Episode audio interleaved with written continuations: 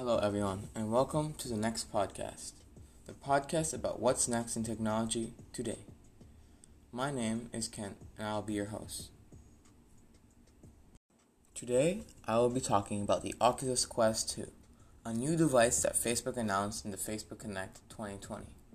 What is Oculus Quest 2, you may be wondering? The Oculus Quest 2 is a virtual reality headset capable of hand tracking, gaming, and all sorts of productive things.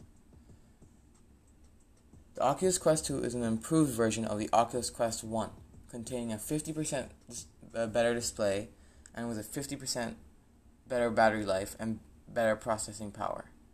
The original Quest started at $400, but somehow, with all the improvements of the Quest 2, it starts at $299.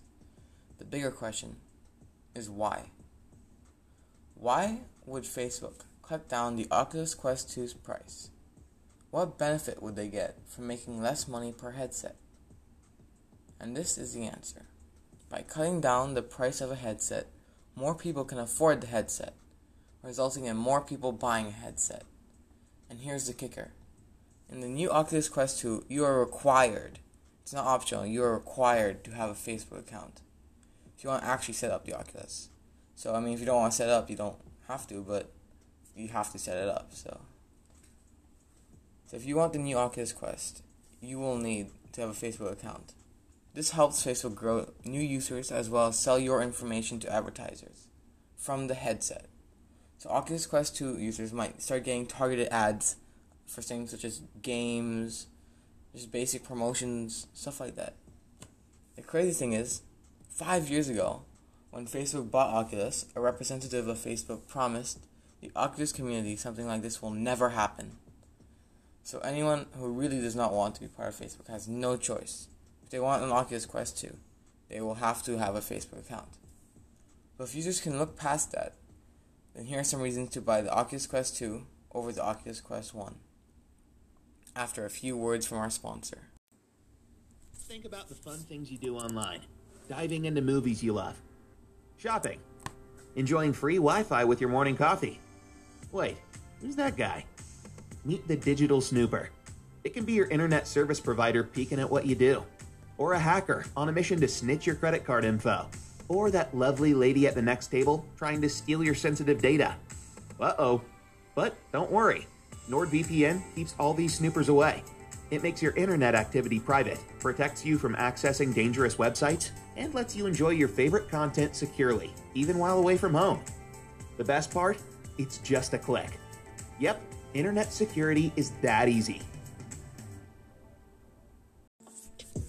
The Oculus Quest 2 10% lighter, 50% faster, and 50% better resolution, yet $100 cheaper.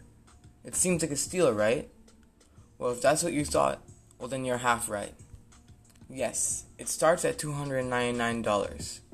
But if you want more sp- space, it can cost up to $399 and many reviewers stated that the head strap that comes with in the, in the second Oculus Quest is so bad it's almost unusable.